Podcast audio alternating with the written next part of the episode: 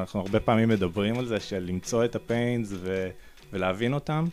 המקום שבו בעצם הבנתי שאנחנו עלינו על משהו, היה שהתחלנו לראיין לקוחות ובעצם לדבר איתם ונפגשנו פעם ראשונה עם לקוחות שבסוף השיחה נתנו לנו מעטפה עם כסף, שנעזור להם לשלוח, אה, לשלוח אותו הביתה בעצם. שאלנו אותם מה אתם עושים היום, איך זה עובד.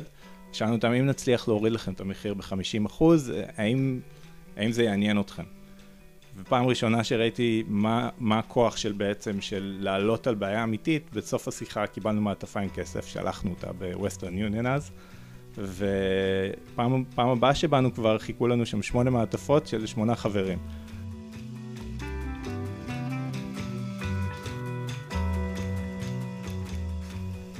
אהלן, ברוכות וברוכים הבאים ל-product של השכן. אני שירה ויינברג הראל, ובכל פרק נפגוש בחירה או בכיר בעולם ניהול המוצר כדי להכיר טוב יותר איך באמת נראה התפקיד שלהם. מה האתגרים, התהליכים, הדילמות, ואיך נראה היום-יום שלהם. היום נפגוש את סהר יהלום, שותף מייסד ב-Rewire, שמוביל בה את אסטרטגיית המוצר ואת קבוצת המוצר. נדבר הרבה על אסטרטגיית מוצר. איך מסתכלים קדימה מעבר למוצר הליבה של החברה, ויחד עם זה שומרים על פוקוס. נדבר גם על המצב ב-Rewire, שבו היוזרים שלך הם מאוד שונים ממך. עם שפה אחרת ומנטליות אחרת. איך מבינים אותם טוב יותר? איך מחברים את החברה כולה ומייצרים הזדהות עם אנשים שחוגגים חגים שאנחנו לא מכירים, וחיים חיים שונים לחלוטין מאיתנו. ואיך זה בעצם המנוע שמייצר diversity בחברה. שנייה לפני שאנחנו מתחילים, אני אזכיר שאנחנו כבר בפרק 5. ממש כיף לי לראות שאתם מאזינים לנו, ואני יותר מאשמח לשמוע מה עובד לכם ומה פחות. מה או את מי הייתם רוצים לשמוע בפרקים הבאים. מוזמנים לפנות אליי או לעמוד של ה-product של השכן בפייסבוק או בלינקדאין. כמו מנהלת מוצר טובה, אני תמיד שמחה לדבר עם הלקוחות שלי. יאללה, נתחיל? אז היי סער. היי. ממש כיף שאתה פה. גם לי, ותודה שהזמנת אותי. אז אני אתחיל מגילוי נאות, כשהמליצו לי להזמין אותך ממש התרגשתי, כי יש לנו ככה היסטוריה משותפת. אמ, די ישנה, בערך לפני עשר שנים עבדנו יחד, והאמת שלי יש כזה מקום חם בלב לתקופה הזאת באופן כללי, כי uh, זו הייתה תקופה מאוד מאוד כיפית. Uh, אני חושבת שזה היה התפקיד הראשון שלי בתור ראשת product. Uh, אז ממש ממש כיף ככה לסגור את המעגל הזה ו- ולראות אותך שוב. גם לי, אני מרגיש גם די דומה לאותה תקופה, זה אחד, מה, אחד מהבתי ספר היותר מטורפים שיש, מייקרוסופט. ואני חושב ששם זה המקום הראשון שהתחלתי להבין בכלל מה זה product. אז בוא נתחיל מ-intro קצר. אני סער יהלום, בן 43, שותף מייסד ב-Rewire. אני מוביל את אסטרטגיית המוצר ב-Rewire ואחראי על קבוצת המוצר. יש לי תואר ראשון במדעי המחשב מהטכניון ותואר שני בלמידה חישובית מאוניברסיטת תל אביב. אני מעל 20 שנה בתפקידים טכנולוגיים שונים, בין השאר עבדתי ב-Intel, רפאל, מייקרוסופט שהזכרנו. מייקרוסופט בעצם עבדתי בערך שמונה שנים, שזה המקום שבו מבחינתי היה בית ספר מאוד מאוד גדול, גם ל-product, גם, גם לפיתוח, וזה גם המקום שבו בעצם פגשתי את השותפים שלי, שאיתם אה, הקמתי את Rewire, את, את גיא ועדי. ו-Rewire הוא סטארט-אפ טכנולוגי שמתמקד בבנקאות לאוכלוסיית מהגרי העבודה, שזה סינים, תאילנדים, פיליפינים, שמגיעים בעצם לעבוד במדינות חדשות, עוזבים את המשפחות שלהם ושולחים כסף הביתה, אבל כשהם שולחים כסף הביתה הם משלמים עמלות מאוד מאוד גבוהות, וחלק מהמשימה שלנו היא בעצם לעזור להם לבנות עתיד יותר טוב, ואנחנו נותנים להם דרך לשלוח כסף בצורה שהיא בטוחה. מהירה וזולה, ולתמוך בעצם בבני המשפחה שלהם ובעצמם. מדהים. ואתה ב-Rewire כבר שמונה שנים? אני כבר שמונה שנים ב-Rewire, זאת אומרת, ההקמה שלנו הייתה ממש לפני, או ההקמה שלנו ב-18 תהיה שמונה שנים. אנחנו ממש כמה ימים מהנקודה הזאת. מזל טוב. תודה רבה. ועוד מזל טוב אה, על הרכישה שהייתה ממש לאחרונה. תודה רבה. רוצה להגיד כמה מילים על זה? אז אה, ממש, ממש סיימנו את התהליך של הרכישה אה, לפני כמה ימים. אה, נקנינו על ידי חברת רמיטלי, שזו החבר... אחת החברות הכי גדולות בתחום הזה של שליחת כספים למהגרי עבודה, העברות כספים בינלאומיות. מבחינתנו היא תמיד הייתה סוג של כוכב הצפון, שאנחנו התחלנו, הם היו בעצם חברה אמריקאית שהתמחתה בשוק האמריקאי, עם סיפור מאוד מאוד חזק של איך שמים את הלקוח באמצע ואיך אה, אה, בעצם ניגשים בכלל לכל התחום הזה ויוצרים מוצר שהוא גם ברור וגם עובד וגם אה, נותן את התמיכה שצריך, יש המון תמיכה בתחום הזה. וכשהם פנו אלינו לראשונה, מבחינתי זו הייתה התרגשות מאוד גדולה שאנחנו עושים משהו נכון, שמו לב לחברה הקטנה הזאת שבעצם מטפלת בתחום הזה ועושה משהו קצת שונה, והחיבור בינינו היה מדהים, זאת אומרת, גם מבחינת הערכים, הערכים שלנו, זה נראה כאילו כתבנו אותם ביחד אה, באיזשהו חדר. איזה כיף. וגם מבחינת האנשים, האנשים שעובדים שם זה אנשים שנורא קל להתחבר אליהם, ואנחנו אה, מבחינתנו מאוד שמחים שהחיבור הזה קרה. וואי, זה מדהים. זה, זה שהחיבור הוא גם ברמה של האנשים והערכים וגם ברמה העסקית, זה ממש מדהים. כן, זה, זה, אני, אני לא יודע איך זה קורה במקרים אחרים, במקרה הזה זה באמת אה, יצא, יצא מופלא. איזה כיף. והמקום הזה שבעצם שמו אלינו לב, הרבה, הרבה מזה זה בעצם אסטרטגיית מוצר. ונכון, התמקדנו מאוד במה שהלקוחות שלנו צריכים, אבל גם הסתכלנו כל הזמן איפה הענקיות אה, לא נגעו עדיין, או מה, איפה אנחנו יכולים להשיג אותם. כי תמיד אפשר להחליט שאתה הולך אה, על אותו מוצר, רק יותר רחב, יותר חזק, מחפש מקומות שעוד אה, לא, אה, עוד לא ניצחו בהם, ו, אבל המוצר הוא אותו מוצר. אנחנו בחרנו באסטרטגיה טיפה שונה של בעצם להרחיב את סל המוצרים ולהסתכל יותר בצורה עמוקה על מה הלקוחות צריכים ומה הבני משפחה ואני חושב שבהרבה מובנים זה, אה, זה בסוף מה שעזר לחברות אחרות לראות אותנו והפכנו להיות יותר מעניינים ובאמת הצלחנו להגיע למקומות שהם יחסית יותר בלו אושן. בסוף כמעט בכל דבר את תמצאי מישהו שניסה לעשות משהו בעבר אבל היינו מאוד persistent וגם מאוד uh, ממוקדים. זאת אומרת, לא ניסינו לעשות 40 דברים, בחרנו שלושה והלכנו עליהם, והמקום הזה של uh, אסטרטגיית מוצר זה ממש הוכיח לי מבחינתי את זה של החשיבות הזאת. זה לא רק המוצר היחיד, זה גם ההסתכלות קדימה, ולמרות שזה לוקח שנתיים או שלוש עד ששמים לב ועד שרואים את זה ואתה קונסיסטנטי מספיק, זה סופר חשוב. אז מבחינתי זה אה, רק הדגיש את החשיבות של, ה, של מה שאנחנו עושים והראייה שלנו קדימה בתוך כל הארגון שכל הזמן עסוק כמעט תמיד לשלושה חודשים הקרובים, ארבעה. להיות הצוות הזה שמסתכל קדימה לשנה ושנתיים, יש לזה חשיבות קריטית. אז בואו נחזור רגע להתחלה. אתם כמה חבר'ה עוזבים את מייקרוסופט, מקימים את Rewire, אה, זה, זה התחיל גם בעצם מה, אה, מבעיה יותר כללית, זאת אומרת, הרבה פעמים, ונדבר על זה קצת, על החיבור בין מוצר ל, ל, לעסקים בעצם, והחיבור לביזנס. אז זה התחיל מבעיה, מאחד השותפים שבא עם בעיה עסקית בכלל, שמעבירים כסף בצורה בינלאומית, הוא מאבד את הערך שלו נורא מהר, אבל זה לא מוצר, זה, זה איזשהו נגיד פרט ששמנו לב אליו, והתחלנו לבדוק מה, מה קורה בעצם כששולחים כסף בצורה בינלאומית. זה התחיל ממקום מאוד מאוד טכנולוגי, הרבה פחות uh, מחובר ל- לאנשים, וכששאלנו את השאלות היותר עסקיות של אוקיי, מי באמת יש לו uh, את הצורך הזה של שליחת כספים, שם התחלנו בכלל להתחיל uh, לחשוב על אוקיי, אנשים שעובדים, עזבו את המדינה שלהם ושולחים כסף חזרה הביתה. ובראיונות, ממש בראיונות הראשונים שעשינו, שם בעצם אה, גילינו את, ה, את הכאב המאוד גדול הזה, ואני חושב שזו גם פעם ראשונה שממש חוויתי מה זה אומר לשנות חיים ללקוח, לא מוצר משנה חיים באמת. לפני זה, גם כשעבדנו במייקרוסופט, האהבה שאתה מקבל, המוצר שלך, אהוב או לא, אתה מקבל את זה בשלב מאוד מאוד מאוחר. וזה עובר המון שכבות באמצע, והרבה ליטושים, ו-marketing מאוד רחוק ממך, וזה היה פעם ראשונה שממש קיבלתי יש, ישירות את האהבה ואת ההבנה שמה ש, שאנחנו עושים משנה, וזו חוויה מטורפת. אז את Rewire בעצם התחלנו בנקודה שבה, אני חושב שזו פעם ראשונה שנתקלתי ב-pain אמיתי, חזק של לקוחות. זאת אומרת, אנחנו הרבה פעמים מדברים על זה, של למצוא את הפיינס ו- ולהבין אותם. המקום שבו בעצם הבנתי שאנחנו עלינו על משהו, היה שהתחלנו לראיין לקוחות, ובעצם לדבר איתם, ונפגשנו פעם ראשונה עם לקוחות שבסוף השיחה נתנו לנו מעטפה עם כסף, שנעזור להם לשלוח, אה, לשלוח אותו הביתה בעצם. שאלנו אותם מה אתם עושים היום, איך זה עובד.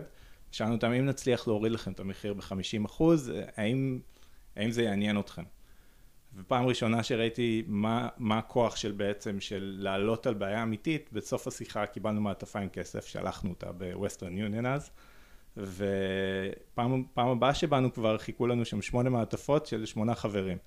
אז זה היה המקום שבו בעצם התחלנו והבנו שיש פה בעיה מאוד מאוד חזקה. מדהים, זה גם איזה סוג של MVP.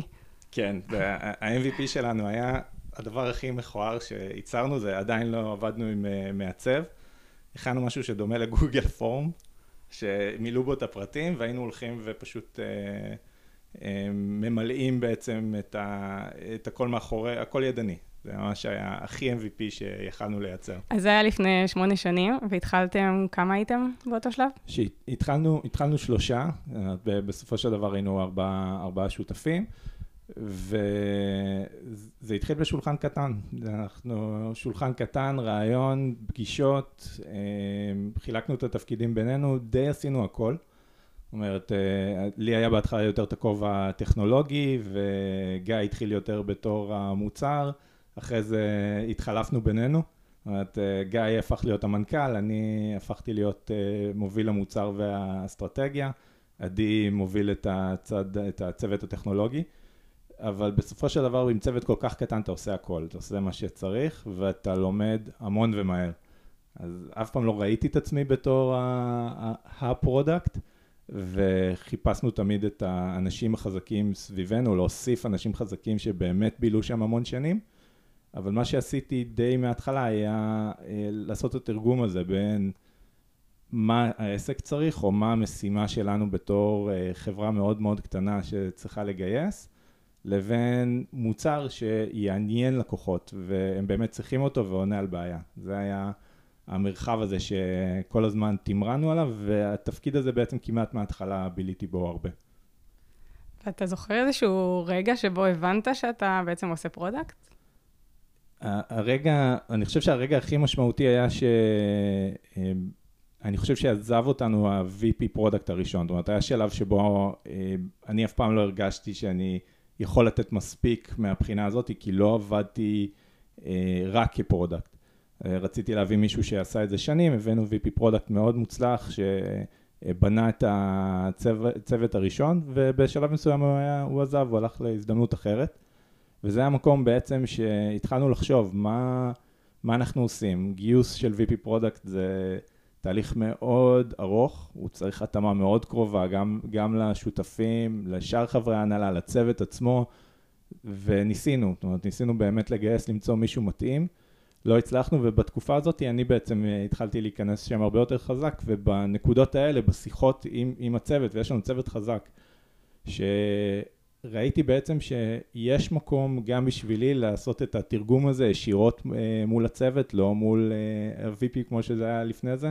לתווך בעצם את המחשבה ולהתעסק הרבה בלמה, למה אנחנו חושבים שמשהו הולך להצליח, לשאול את הצוות את השאלות הממש קשות, כאילו זה עבר ממצב שבו היה לי מישהו מאוד חזק שהייתי מנהל איתו את השיחות, השיחות הפכו להיות ישירות עם הצוות, מה שהפך את זה להיות מבחינתי גם באיזשהו מקום יותר אמיתי אה, וגם יותר כיף, ובאזור הזה כבר הרגשתי יותר שאני עושה עבודת product, שאנחנו באמת שואלים שאלות קשות, ובעיקר מנסים להבין מה אנחנו לא שואלים, או מה אנחנו מפחדים לשאול. וזה המקום שבו הרגשתי שאני יותר תורם לפתיחות הזאת, ולאפשר בעצם להציף את הפחדים האלה ולגעת בדברים שאנחנו עושים לא טוב.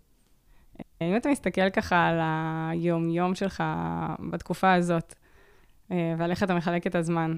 מה הדבר, שניים, שאתה מרגיש שאתה משקיע בהם הכי הרבה זמן ואטנשן?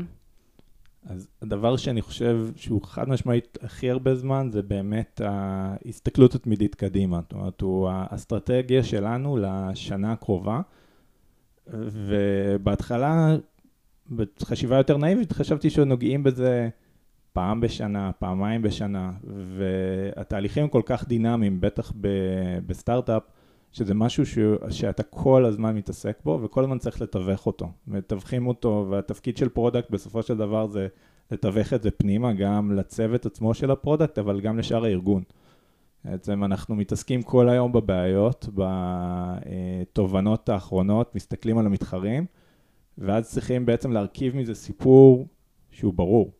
שהצוות שמפתח את זה ידע בעצם למה הוא בונה את זה ולמה זה חשוב, שמי שמשווק את זה יבין את היתרונות שלנו לעומת המתחרים באמת, זאת אומרת, מה, מה אנחנו יכולים לעשות או לאן אנחנו הולכים, שהמתחרים עדיין לא שם.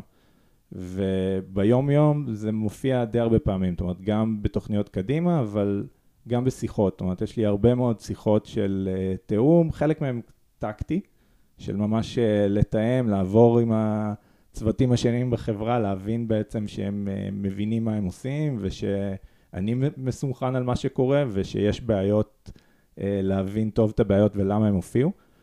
אה, ובמקרה הזה אני, אני לא ה-IC הכי בכיר בחברה, יש אה, מתחתיי צוות מעולה.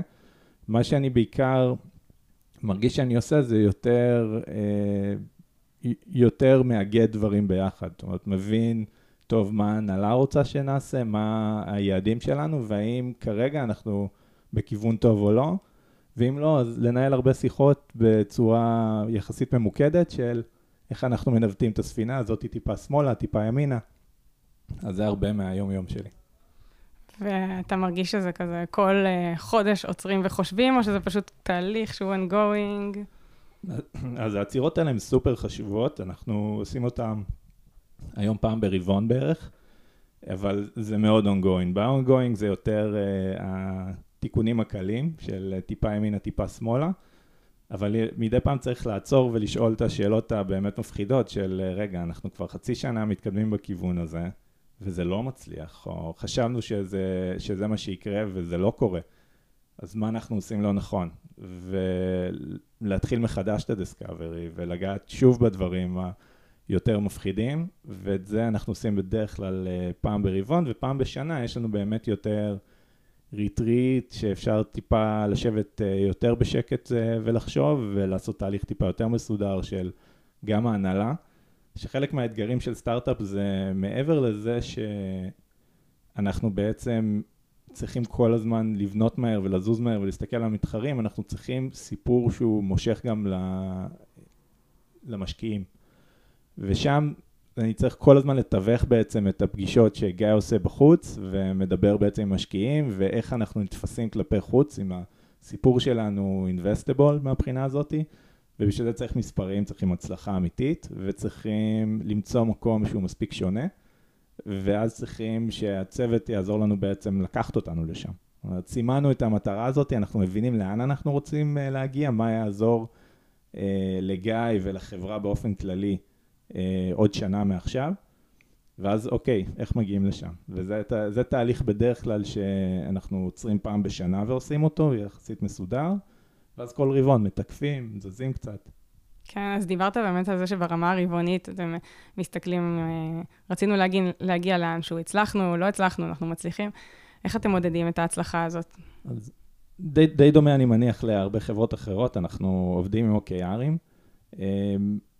בתור חברה אה, שהייתה עוד קטנה, זה היה יחסית פשוט, זאת אומרת, היינו קובעים לנו יעד אחד מרכזי, אז מאוד קל לכנס את כולם סביב יעד אחד, ואז לצורך העניין זה מספר הלקוחות המשלמים. אז ברגע שזה המדד, מאוד, מאוד קל לפקס את כולם. המקום שזה מתחיל טיפה להתבדר זה באמת שגדלים קצת, יש כבר... Uh, מעל 100 אה, איש בחברה ועובדים על כמה מאמצים במקביל ולא לאבד פוקוס שם, זה, זה באמת יותר קשה ושם היעדים, אנחנו מנסים לפחות שיהיה יעד מרכזי, שכל שאר היעדים תומכים בו ושאנחנו בעצם מבינים מה אנחנו רוצים. ואז זה קצת חלוקת uh, משאבים של כמה אנחנו משקיעים בכל יעד, זאת אומרת כמה הוא חשוב או קריטי לנו כחברה ו...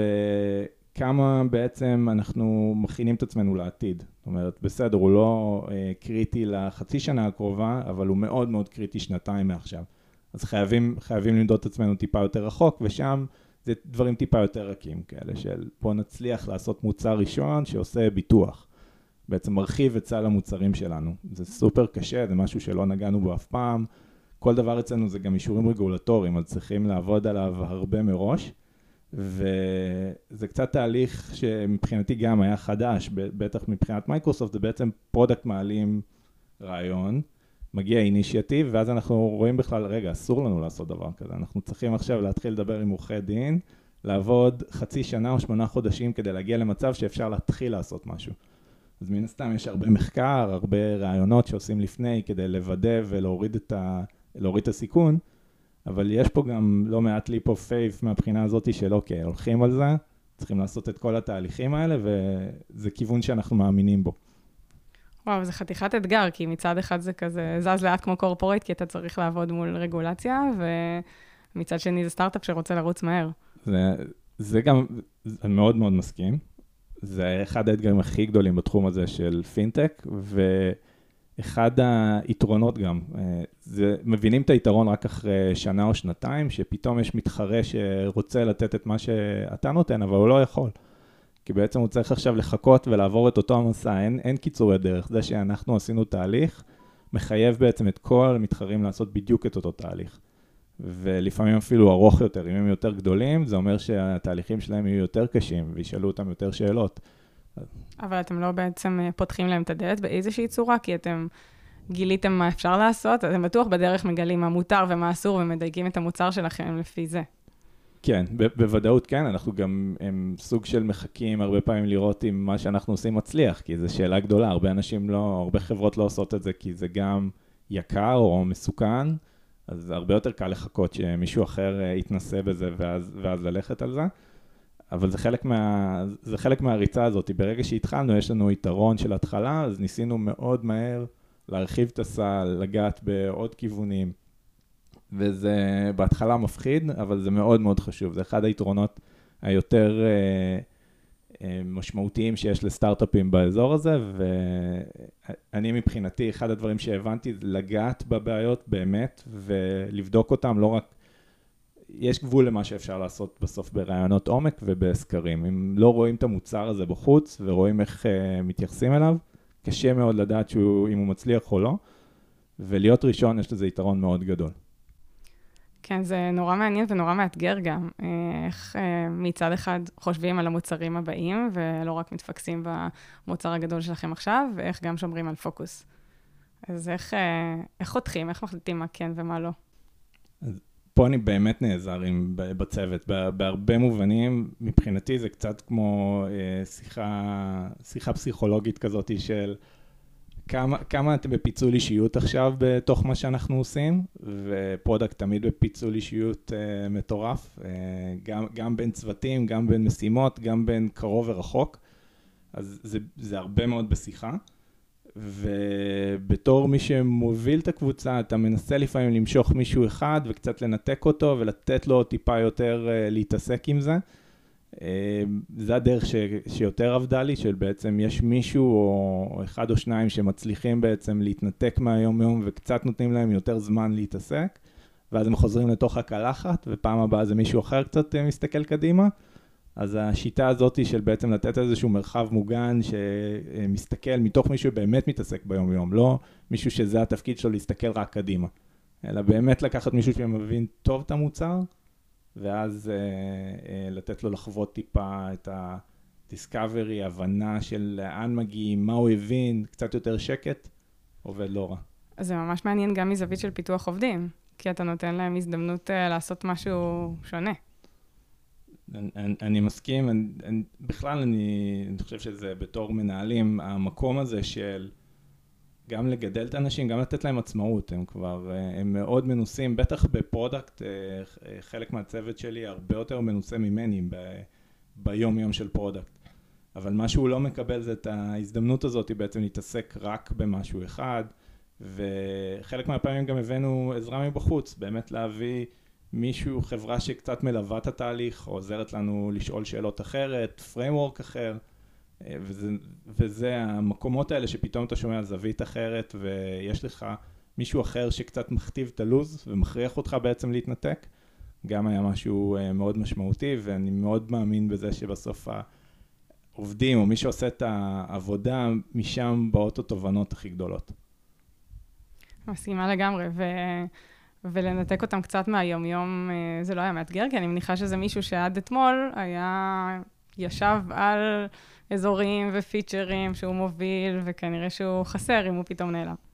את זה לא הבנתי עדיין איך עושים. זאת אומרת, את זה אני עדיין עושה בצורה לא טובה, זה, זה תמיד כמעט יוצא בצורה שזה, כן, הוא חסר ל, לאותם פיצ'רים, אבל זה כן, זה כן קריטי לעתיד. אז זאת אומרת, זה כן יצר מצבים שיש שם uh, סוג של uh, חסר, והחברים uh, משלימים את מה שאפשר, וקצת יותר נקראים, אבל זה כמעט הדרך היחידה שזה עבד. זאת אומרת, לא, לא הצלחנו למצוא איזשהו סידור. ששינה לחלוטין את, ה, אה, את היכולת שלנו להתנתק לחלוטין, להכל, הכל דופק כרגיל ואז ממשיכים. זה, לפחות בתור חברה קטנה, זה היה מאוד קשה. והזכרת את עניין הביטוח, שזה נשמע לי כמו מוצ... סוג של מוצר חדש בעצם, שאתם אה, הוספתם. אה, אני חושבת שזה סופר חכם, אבל גם מאתגר אה, לדעת לחשוב על הדברים הבאים. זאת אומרת, לא רק להיות מרוכזים בכאן ועכשיו, כי המוצר הראשון שלכם או הראשי שלכם הוא אמנם מצליח, אה, אבל בטוח יש עוד המון דברים שאתם רוצים לעשות, זה עוד לא, כאילו, עוד לא ניצחתם, עוד לא כבשתם את השוק, אה, וצריך לדעת במקביל לחשוב גם על הדברים הבאים, ולהחליט כמה ריסורסס שמים על הדבר, על ההימור הגדול הבא, של אה, אם הדבר הראשי שלנו ממשיך להצליח, איך אנחנו ממשיכים לגדול וממשיכים להשתפר. כן, אני, אגב, בראייה אחורה, אני ת, תמיד חושב ששמנו פחות מדי, זאת אומרת, הייתי מעדיף לעשות את זה טיפה קודם, ולשים על זה יותר זמן. מאוד קשה לעשות את ההפרדה הזאת, שיש את המוצר הראשי, הוא זה שמצליח, זה המספרים שאנחנו הולכים להציג למשקיעים. ואנחנו גם מספרים את הסיפור, ש... ואנחנו מאמינים בו, שלתת שירותים תומכים לבני משפחה, לעזור להם לבנות את העתיד הזה. אחד הדברים שמאוד עזרו לנו זה באמת uh, להישאר מאוד קרוב ל-values שלך, שיש משהו שאתה מאמין בו ורואה שהוא עובד. אז המוצרים שהיו באותה סביבה, ובעצם לא משנים את הסיפור עכשיו למשהו אחר לחלוטין, זה באמת סוג של המשכיות יחסית ברורה, אנחנו רוצים לעזור להם uh, לתמוך במשפחות שלהם, חלק מהסיבה שהם שולחים בעצם את הכסף זה לתמוך בהם גם במצבים קשים של מחלות ותמיכה בהורים מבוגרים בצד השני. אז ביטוח באמת זה אחד הכלים היותר נוחים שחסרים מאוד ומאוד משלימים, ואנחנו הצלחנו לתת את זה בעצם גם במחיר טוב בצורה דיגיטלית, שזה מדהים, זאת אומרת, מוצר שממש היה חסר. ואני חושב שההבנה שכדאי ללכת לשם הייתה, הייתה שם די, די מוקדם, וכל הזמן התמהמהנו איתה. כל הזמן, המוצר הזה זה משהו שחשבנו עליו, אני חושב, כבר בשנה השלישית, והתחלנו לגעת בו רק בשנה החמישית. זאת אומרת, ובדיעבד לא הייתי מתחיל את זה הרבה קודם, ויש עוד איזה משהו שהוא קשה לשים עליו את האצבע, וזה המוכנות הטכנולוגית של הצד השני. זאת אומרת, אנחנו עובדים פה עם אה, מדינות מתפתחות, שזזות בקצב הרבה הרבה יותר מהר ממה שקורה פה. זאת אומרת, שעוקבים אחרי התחרות, רואים פתאום ארנקים דיגיטליים סופר משוכללים שקמים כמעט אה, אה, תוך שנה. מעלים, מעלים מאות אלפי לקוחות, שבארץ אה, ביט מגיע מאוד מאוד מאוחר לעומת המדינות האלה, ולפני זה לא היו שם כמעט סמארטפונים. זאת אומרת, בתוך התהליך הזה של השמונה שנים, אנחנו רואים אה, כניסה של סמארטפונים בצורה מאוד מאוד נרחבת, אה, יותר ויותר אפליקציות, הם יותר טכנולוגיים בהרבה מובנים מאיתנו. זאת אומרת, הם מבלים יותר זמן ב... ב בפייסבוק, בוואטסאפ, באינסטגרם, זאת אומרת, הם, זה הקשר היחיד לבני משפחה, והמוכנות שלהם לקבל דברים חדשים היא מדהימה. והנקודה הזאת היא שמאוד קשה לשים עליה את האצבע של מתי בעצם הטכנולוגיה מוכנה בכלל להכיל את זה, והצד השני, אני, אני כל פעם מרגיש שאנחנו טיפה, טיפה פספסנו את הנקודה המדויקת, אבל עדיין, עדיין בגלל שהיינו על זה, היינו הראשונים שעשו עם זה משהו. מעניין, ואתה מדבר על להיות על זה, ובאמת, ממש על זה רציתי לשאול. Uh, היוזרים שלכם הם ממש לא אתם. Uh, לא באופי, לא באיך נראה היום-יום שלהם, לא בשפה, לא בקשיים שלהם. Uh, אתם גם לא חיים באותו מקום, אז אתם לא יודעים מה קורה. כאילו, אתם לא חיים את הסביבה ובמה הם משתמשים. איך אתם לומדים את כל זה? שאלה מצוינת. קודם כל זה קשה, צריך להכיר בזה, שאתה לא הלקוח המדויק של המוצר, ומה שאתה מבין, לא בהכרח הצד השני יבין, או שהלקוח שלך יבין. ומה שעשינו די מההתחלה היה להעסיק אנשים בעצם שבאו לכאן וחוו את זה בתוך החברה. קודם כל, בהתחלה זה היה די טבעי, היינו צריכים אנשים שמדברים את השפות, זה המון שפות שאנחנו לא דוברים אותן. אנחנו לא מצליחים גם לתווך לנו את הצד השני. הרבה דברים כמו, כסף זה משהו סופר רגיש, לדבר על כסף, אה, נגיד בישראל זה משהו אחד, ובהודו זה משהו אחר לגמרי. סתם לצורך העניין, אה, הרוב אה, מי שעולה לפה מהודו זה נשים שבאות לעבוד בסיוע רפואי, ולפני זה בעצם בבית הם לא התעסקו בכלל עם כסף. הגבר במשפחה הודית ממוצעת זה מי שבעצם מנהל את כל העניין הזה, וכמעט לא מדברים עליו ברמה, ברמה כזאת. הכל מתנהל בעצם בחברה מאוד פטריארכלית. ועכשיו שהן מגיעות, הן פעם ראשונה צריכות להתעסק בעצם עם כסף, שזה משהו שלא מדברים עליו. אז איך מתווכים את זה? מה, מה אומרים? מה, איך, איך מדברים את זה בצורה טיפה יותר עקיפה? אז, אז זה רק כשבעצם התחלנו להעסיק עובדים הודים שיעזרו לנו בעצם uh, לדבר, שמענו איך הם מדברים על זה. שזה, שזה מדהים, כי הם עובדים בחברת פינטק שמתעסקת כל הזמן בכסף, ואת שומעת איך הם מדברים על זה, והם מדברים על זה שונה. ואז ההכרה הזאת היא שחייבים להעביר את זה דרכם, הם חלק מהתהליך פיתוח שלנו בעצם, ממש אנחנו בודקים קודם כל פנימית את הדברים, הם עוזרים לנו עם הטקסטים, עם ההסברים עצמם, ואחרי כמה זמן רואים גם את הקהילה מתחילה לעשות דברים, שזה גם, גם עניין שלפני זה לא לקחתי בחשבון, שיש מוצר שהוא ייחודי והוא עונה באמת אה, לאיזשהו נישה.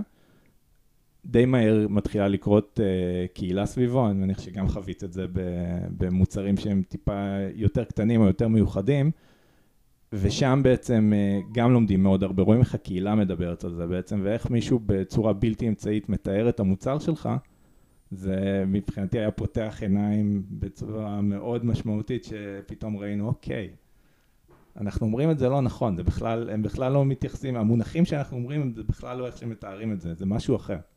וואי, זה ממש מעניין. ואיפה הקהילה הזאת נמצאת? כאילו, זה קבוצות פייסבוק? הקהילות שאני מכירה זה קבוצות פייסבוק. אז הקהילות האלה בעצם אה, נבנות ב... בתוך פייסבוק בצורה שמזכירה את ה... בעצם את המקומות שהם באו מהם. אז רואים בעצם שני אנשים שעובדים ביחד באותו בית אבות, אבל אונליין הם נמצאים בקבוצות שונות לחלוטין, זה לפי הכפרים, האיים שהם באו מהם, זה בעצם המעגל החברתי שהם בונים לעצמם. הוא הרבה יותר קשור למקום שהם באו ממנו מאשר למקום שנמצאים בו כרגע. כמובן שיש uh, חיבורים uh, לתוך uh, מה שקורה עכשיו, לפיזי, למי שעובד איתם, יש קשרים, זה עובד, אפשר לעשות uh, שיווק ויראלי גם דרך בעצם המקום העבודה, איך שהם עובדים, אבל הרבה יותר משמעותי איך, מהמקום המקום בעצם שהם מגיעים ואיפה שהם מוצאים את המפלט שלהם זה בין מי שמכיר אותם. ואיך אתם uh, מחברים את, ה... את שאר החברה לדברים האלה? כאילו, אני מניחה שמי שיותר מתעסק ב product ובאסטרטגיה, אתם חייבים להיות על זה, זה ממש חלק מהעבודה. אבל uh, המפתחים לאו דווקא. קודם כל זה נכון, זה, זה אתגר מתמשך. זאת אומרת, זה לא... ש, שאתה מאוד מאוד קטן, זה יחסית קל, כי כולם יושבים במטבח, ובמטבח uh, יש, את, uh, יש את ג'רלין ויש את ראשון, והם uh, חולקים את הסיפורים שלהם, והם ממש הרבה פעמים בשטח, ואז כשהמפתחים אוכלים צהריים, אוכלים צהריים בעצם ושומעים את כל הסיפורים האלה וחיים את זה, והם חיים את הבעיות שיש למוצר. זאת אומרת, שמתקשר לקוח ואומר שהכסף לא הגיע ואבא שלו לא יכל להיכנס לבית חולים, אז כל החברה יודעת את זה, כולם על הרגליים, כולם מבינים טוב מאוד את המוצר וכמה זה קשה. אבל באמת שגדלים זה הפך להיות הרבה יותר אתגר. אה, זה גם היה מין נקודה כזאת שפתאום קלטנו שיש לנו באמת מפתחים צעירים, שלא מכירים בעצם את המוצר שלנו, והם לא מצליחים לגמרי להבין את הבעיה. ואז צריכים להיות הרבה יותר אינטנשיונל על מה שעושים, ומה שהתחלנו לעשות שהיה, שעובד מדהים, זה היה בעצם להביא את, ה, להביא את הסיפורים של הלקוחות.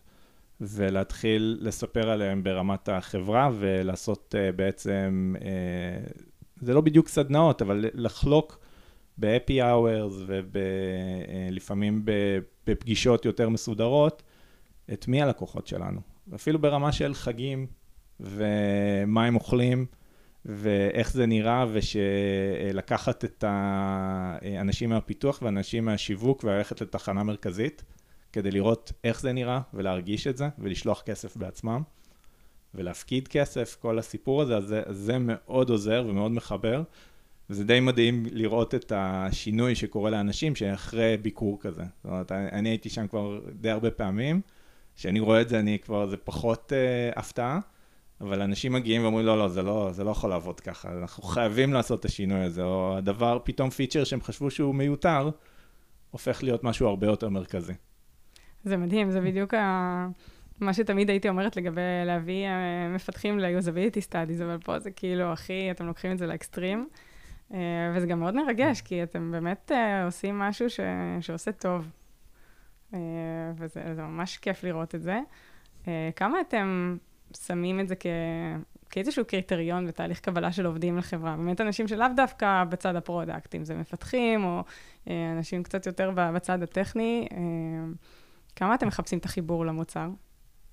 זה די קורה לבד, האמת היא, כי נגיד בתור, בתור סטארט-אפ לא גדול, לא, אף פעם לא ניסינו להיות הגוף שמשלם הכי הרבה בתעשייה. זאת אומרת, התחרות שלנו תמיד הייתה מול חברות שגייסו המון ונמצאות באיזשהו מקום בחזית הטכנולוגיה עם AI ולא יודע מה, זאת אומרת, מבחינת המשיכה של מי, ש, מי שמגיע לשם רוצה להתעסק בעצם בטכנולוגיה. הכי משמעותית או הכי מתקדמת. ואצלנו מה שתמיד שמנו בפרונט זה בואו תחוו מוצר שבאמת משנה חיים. אם אתם רוצים לגעת באנשים ולראות שמה שאתם עושים משנה, ולהתעסק עם אתגרים של עולם אמיתי באיזשהו מקום, של באמת אה, יש מקום שאי אפשר להגיע אליו פיזית. איך אתה פותר עכשיו את הבעיה הזאת? היא, היא נראית אה, טריוויאלית, אבל היא לא. וה... אפילו התהליך של הרעיון והצורה, אני חושב, שבה אנחנו מציגים את עצמנו, כבר הביא את האנשים הנכונים. זאת אומרת, הגיעו אלינו אנשים שבאופן טבעי, זה מה שעניין אותם, הם רצו לעבוד עם האוכלוסיות האלה, הם רצו אה, לעשות משהו שמשנה. זה, זה, זה ניתוק מאוד גדול מהתעשייה באיזשהו מקום, מה שאנחנו עושים, והרבה דברים אצלנו נראים אחרת. הארוחות צהריים נראות אחרת, ה-day to day נראה שונה. מאוד כיף international ברמה, או ה diversity שיש אצלנו הוא חריג. הרבה פעמים יוצא לי לדבר עם, עם כל מיני אנשים שמדברים בעצם, אוקיי, איך יוצרים diversity ומה המשמעות, ולהיות, uh, להתעסק בזה בתהליך הגיוס, שהכל נורא חשוב, זה באמת נכון, uh, אבל שבעצם חיים את זה, או שבונים מוצר שהוא כולו סביב diversity וכל כך הרבה אוכלוסיות, זה סוג של קורה לבד. וזה מאוד כיף, זאת אומרת, כשמסתכלים על זה, יש לנו, חושב, קרוב ל-50 אחוז אה, אה, נשים אצלנו, ובטח בתפקידים בכירים, ואוכלוסיות מכל הגוונים והצבעים, וקשה לי לדמיין את החברה האחרת. זה כל כך הרבה ממי שאנחנו, וכל כך תרם לתהליך, שזה כיף, זה פשוט שונה, זה הביא את האנשים הנכונים. ובאמת אתם אה, מאוד מחוברים לערכים ב- ביום-יום ובמה שאתם עושים, ואתם באים לעשות טוב לאנשים, אה, אבל עדיין יש מטרות עסקיות, ויש משקיעים שאתם אה, צריכים לדווח להם, או לפעמים לעשות מה שהם מבקשים. היו סיטואציות שזה ככה, דברים קצת התנגשו, והיו דילמות קשות בין הערכים שלכם לבין הביזנס? הרבה פעמים זה, אצלנו זה בסוג של ה... איך קובעים מחיר. כמה, כמה באמת אפשר אה, אה, להוריד את המחיר ואיפה נשארים רווחיים או עסקיים, כי בסוף זו חברה שאמורה אה, להחזיק את עצמה ולמטרות רווח. ושם יש הרבה מאוד שאלות, זאת אומרת, או זה יותר עדין. לאט לאט מפתחים את האזור שלנו של למצוא, אוקיי, אנחנו רואים איפה, איפה המחיר קיים היום בשוק, אנחנו מתחילים להבין מה אנחנו מסוגלים לעשות, זאת אומרת, לאן תאורטית אפשר להוריד אותו, ומהו sustainable. וזה באמת שאלות שהן סופר עסקיות. חלק מזה זה גם uh, טיפה יותר מורכב, מורכב, שזה go to market, ואיך אתה חודר לשוק חדש ומקבל נוכחות, בטח בשווקים שיש בהם כבר מתחרים מאוד ותיקים. ושם בעצם uh, מתחילות הדילמות היותר uh, מורכבות של אנחנו מבינים שיש פה דרך לעזור מאוד ללקוחות, לפעמים היינו במחיר שהוא לא סוסטיינבילי, ואז צריך להרים אותו, ואז צריכים גם להתמודד עם התגובה של השוק, שהוא מאוד לא שמח מזה שאנחנו בעצם מעלים את המחיר. עם הזמן למדנו לעשות את זה בצורה יותר אה, נכונה ויותר מתחשבת. טוב, אה, זה ממש מעניין ואנחנו יכולים להמשיך עוד הרבה, אבל uh, די נגמר לנו הזמן. אני כן רוצה לשאול אותך שאלה שאני משתדלת לשאול את כולם. אם היית ככה יכול לחזור אחורה בזמן uh, ולתת לעצמך איזשהו טיפ בדיעבד. Uh, זה יכול להיות בתחילת הדרך ב-rewire, יכול להיות באיזשהו שלב שבו יותר עברת לצד המוצר. מה היית מייעץ לעצמך? אז, אז אני חושב שהטיפ הכי, הכי משמעותי זה לא לפחד ולא להתמהמה, זאת אומרת שיש משהו שאתה, או שאתה או צוות שלך מאמינים בו, לגעת בו כמה שיותר מהר. זאת אומרת, לא, לא להתעסק עם שאלות קשות, זה משהו שהוא מאוד מאוד קטלני ואחרי זה רק עולה יותר. ואם יש משהו שאתם מאמינים בו או חוששים ממנו, לגעת בו באמת כמעט מיד. מעולה, תודה רבה. היה ממש כיף שבאת. גם לי. תודה רבה.